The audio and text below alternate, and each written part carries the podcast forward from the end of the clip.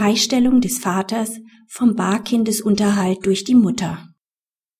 Die zwischen den Eltern verabredete Freistellung von Unterhaltsansprüchen stellt eine Erfüllungsübernahme dar, die für den Vater als Schuldner einen Befreiungsanspruch begründet und die einer Klage der Mutter entgegengehalten werden kann. Die Eltern des im Jahr 1988 geborenen Kindes vereinbaren im Jahre 2004 handschriftlich unter anderem, dass die Mutter Praxisräume im Anwesen des Vaters weiterhin für fünf Jahre mietfrei nutzen darf und die Mutter dafür auf Kindesunterhalt verzichtet. Das von der Mutter vertretene minderjährige Kind klagt gegen den Vater auf Zahlung von Kindesunterhalt. Die Mutter erklärt nach Eintritt der Volljährigkeit des Kindes im Laufe des Verfahrens, dass sie nunmehr in Prozessstandschaft klage.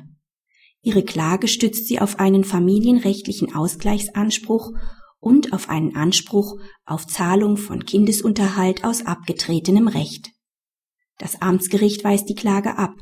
Das Oberlandesgericht versagt der Mutter wegen Mutwilligkeit die Prozesskostenhilfe für die Berufung. Ein familienrechtlicher Ausgleichsanspruch steht der Mutter nicht zu, da sie sich im Jahre 2004 mit dem Vater in zulässiger Weise darauf einigte, ihn von Unterhaltsansprüchen des Kindes freizustellen. Die Mutter beabsichtigt auch weiterhin, die Praxisräume als Gegenleistung zu nutzen. Daher ist die Geschäftsgrundlage nicht weggefallen. Auch ein Anspruch aus abgetretenem Recht kommt nicht in Betracht.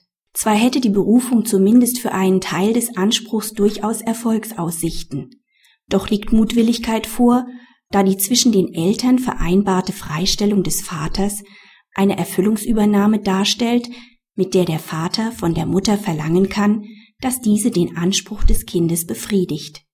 Diese Erfüllungsübernahme begründet für den Vater einen Befreiungsanspruch, den er der Mutter im Verfahren entgegenhalten kann.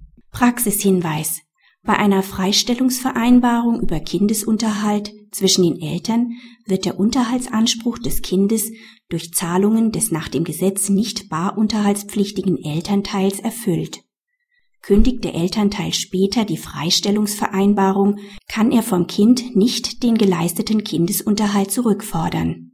Das Kind ist nicht ungerechtfertigt bereichert. Ebenso kann das Kind nicht den an sich barunterhaltspflichtigen nachträglich in Anspruch nehmen